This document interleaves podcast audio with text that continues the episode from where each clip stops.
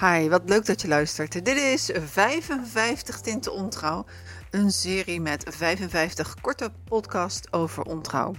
Je bent vreemd gegaan, je voelt je bedrogen, je bent bedrogen of je bent de derde in de driehoek. Je voelt schaamte, je voelt schuld en je weet niet hoe je uit de situatie komt. Dit is de podcast voor jou. Vol met tips, herkenning, erkenning en ik hoop antwoorden op jouw vragen. Mijn naam is Annette Burgers. Ik ben de ontrouw-expert van Nederland.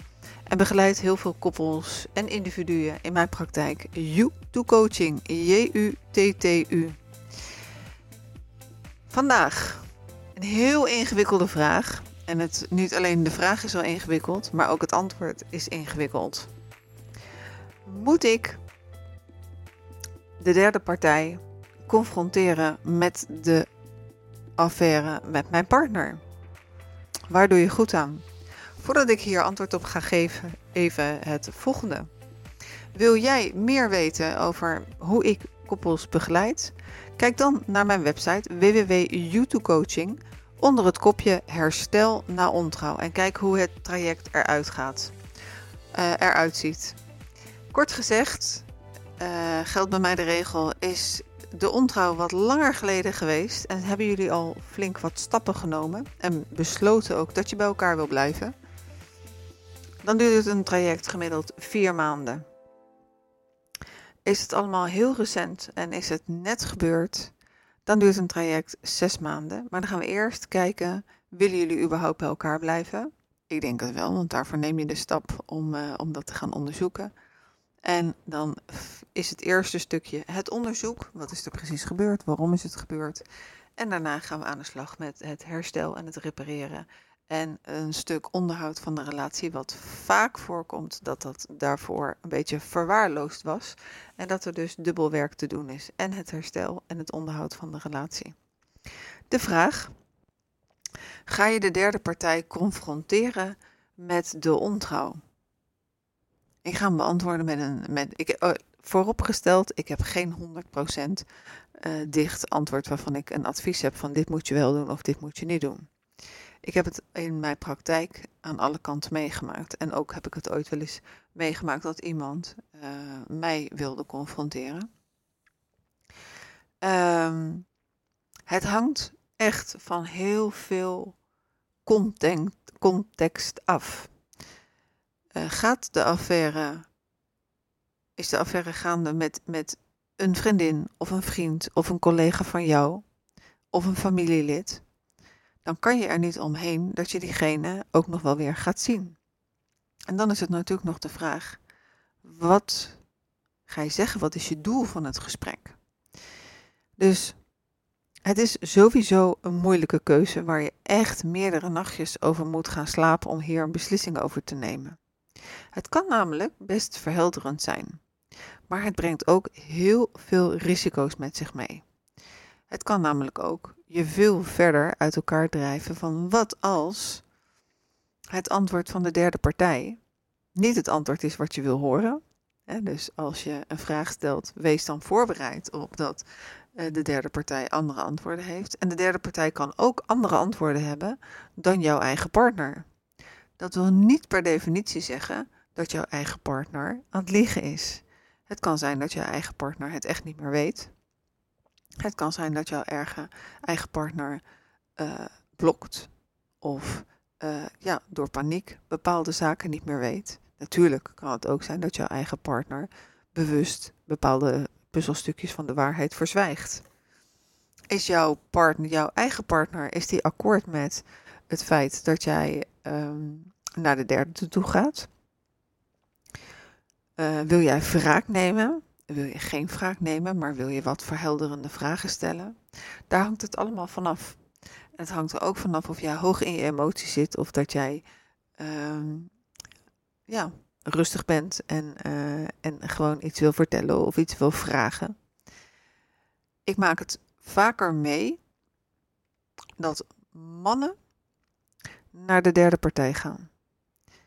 En dan maak ik het ook wel mee dat daardoor details vrijkomen die uh, wat lastiger zijn om weer te vergeten. De zogenaamde detective vragen, voor degene als je voor het eerst luistert. Er zijn uh, detective vragen en er zijn procesvragen. Detective vragen zijn vragen dat je waarin je vraagt naar details. Hoe is dit? Hoe is dat? Hoe zag dat eruit? Uh, waar ben je geweest? En uh, als je al die antwoorden krijgt van die detective vragen, dan kan het zomaar zijn dat je ze ook niet meer van je, van je uh, netvlies afkrijgt. Dus uiteindelijk ben je de dupe dan van, je, van de vragen die je zelf stelt. De vraag is of dat wijsheid is. Dus het hangt van heel veel factoren af. En heb je nou een situatie waarvan je zegt, Annette, wat zou jij doen? Stuur me dan een mailtje met de vraag info coaching. Dan kan ik met je meedenken. Hier komen de 10 tips waarvan ik denk van ja, denk hier in ieder geval even over na. Voordat je daarheen gaat, weet heel bewust wat is het doel van jouw gesprek met de derde? Wat is, wat is het doel van de confrontatie? Waarom wil je confronteren? Is het om antwoord te krijgen? Is het om duidelijkheid te scheppen van mijn partner is van mij en blijft met je handen van hem of haar af? Of is het om een gevoel van rechtvaardigheid te ervaren? En wanneer je het doel weet, is het ook handig om te kijken: oké, in welke fase zit ik nu? Het de fase van het herstel met mijn partner? Of is op zijn Haags gezegd de pleuris al uitgebroken? En heb je een gevoel van wraak of een gevoel van onrecht? En ga je je gram halen? Dus weet heel goed wat je gaat doen. En in mijn begeleiding zeg ik ook altijd dat beide partners uh, noodzakelijkerwijs een vertrouwenspersoon nodig hebben. En dan is het goed als je als beide partners uh, akkoord bent met de, met de vertrouwenspersoon van je partner. Dat is heel erg fijn om te sparren. En dit is zeker een vraag waarvan ik zeg: bespreek deze, uh, als het niet op, uh, op een goed moment met mij kan, maar bespreek deze met je vertrouwenspersoon. En dan is het ook aan de vertrouwenspersoon om te checken: oké, wat is het doel? En Ga je, ga je om je gram te halen, om, om vragen te nemen? Of uh, is het doel, is het om het proces beter te begrijpen? Uh, en wat als je andere antwoorden hoort? Of wat als de derde persoon niet de waarheid zegt? Of wat als de derde persoon ook een relatie heeft? Allemaal dingen om over na te denken. En de tweede tip is: wees voorbereid op mogelijke reacties. De derde partij kan ontzettend defensief zijn, vijandig, ontkennend. Het kan allemaal, maar neem ze wel mee in je voorbereiding. Ga je iemand overvallen? Ga je bij iemand uh, naar binnen terwijl die ook met zijn partner zit? Uh, hoe ga je het doen? En uh, nogmaals, dan gaan we terug naar tip 1. Wat is je doel? Maar wees in ieder geval voorbereid op de mogelijke reacties en als je het gaat doen, plan dus echt en denk gewoon na over de randverschijnselen, over de hele context, over wanneer en waar je iemand mee dan gaat confronteren. Overweeg ook, uh, als je last hebt zelf, en dat kan niet anders, van emotionele uh, labiliteit. Dat je soms heel erg labiel kan reageren, heel emotioneel, dat je boos kan zijn, dat je wanhopig kan zijn, dat je verdrietig kan zijn alles wat de derde partij uh, jou gaat vertellen, heeft invloed op jouw emoties. Natuurlijk, het kan een positieve invloed zijn, maar het kan ook een hele negatieve invloed zijn. Dus bedenk hoe die confrontatie jouzelf zal beïnvloeden. Zal het je helpen om te helen en vooruit te gaan, of zal het je meer pijn kunnen veroorzaken? En ik heb in mijn praktijk heb ik het allebei gezien. Ja, ik heb ook een confrontatie van twee dames. Daar heb ik over gehoord en dat was heel helpend. De derde partij uh, bood uh, aan. En uh, die, die vroeg overigens uh, daarna zelf nog om een gesprek.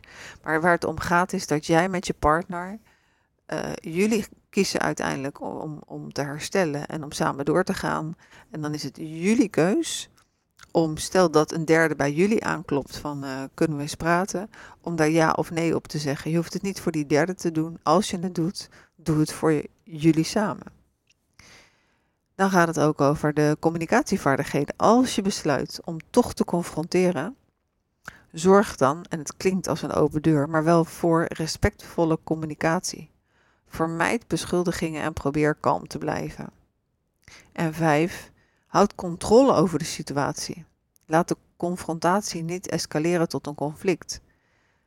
Blijf kalm en respectvol, hoe de derde partij ook reageert. En dan is de volgende, de zesde, en die is echt, echt van groot belang.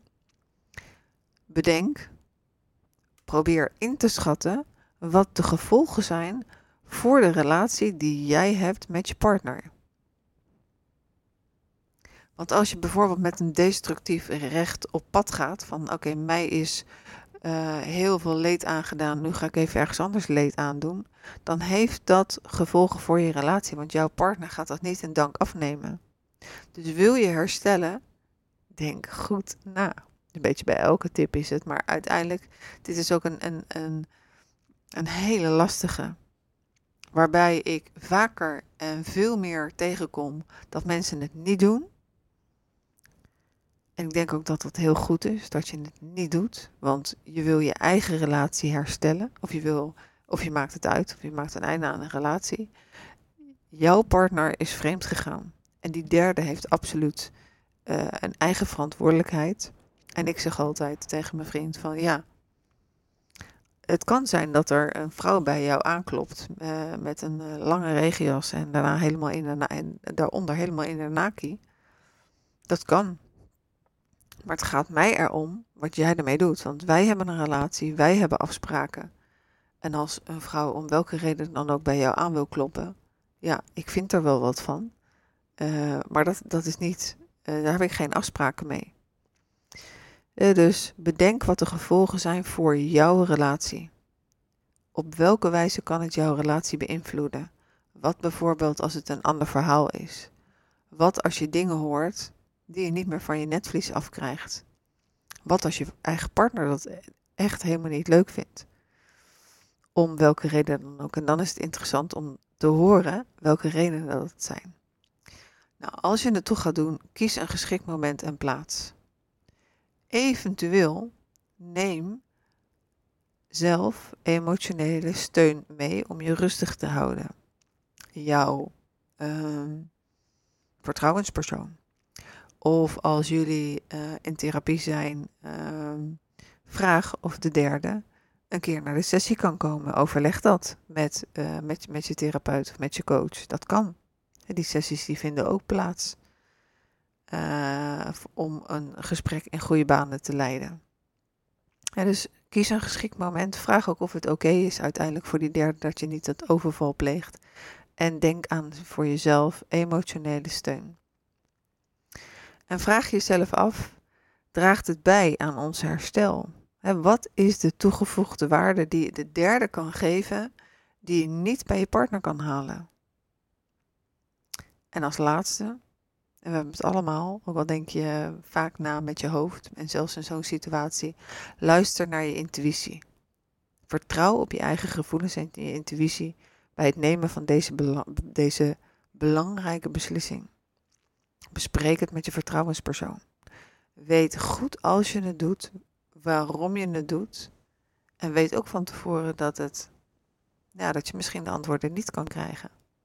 Mijn ervaring is in mijn praktijk uh, dat degene die bedrogen is nooit 100% alle antwoorden uh, kan krijgen. Of je accepteert het feit dat je bedrogen bent en je kijkt van hé, hey, hoe was de relatie hiervoor? Kan ik het enigszins begrijpen wat er gebeurd is? Maar je kan nooit, antwoorden, je kan nooit alle antwoorden krijgen op alle vragen die je hebt. En dat is iets waar je bij neer moet leggen. Het is ook iets van het leven. Al heb je bepaalde vragen. Het gaat nooit helemaal zoals je zou willen. En je krijgt ook in dit geval krijg je nooit alle antwoorden. Nou, dat zijn uh, tien korte tips. Hè. Ik probeer het uh, in deze serie uh, zo kort als, als een beetje mogelijk te houden. En ehm, vraag in ieder geval aan als je in de situatie zit. mijn gratis te verkrijgen e-book jezelf op de rit na ontrouw of het e-book voor de bedrogenen. Om aan de slag te gaan met jezelf en heb je daarna vragen, dan kan je ze natuurlijk aan mij stellen. Als je belangstelling hebt voor begeleiding na ontrouw, dan werk ik met een gratis eerste consult. En om daarvoor in aanmerking te komen, moet je een aantal vragen invullen en vragen beantwoorden. En die kan je aanvragen via info.youtubecoaching.nl en dat heet dan de aanvraag voor het gratis consult. Nou, ik ben mooi onder de 20 minuten gebleven, dus dat moet vooral ook zo blijven. Dit was aflevering 3, 55 tinten ontrouw. En deze podcast is voor jou herkenning, erkenning en tips en antwoorden als het gaat om ontrouw. Dankjewel voor het luisteren en graag tot de volgende keer.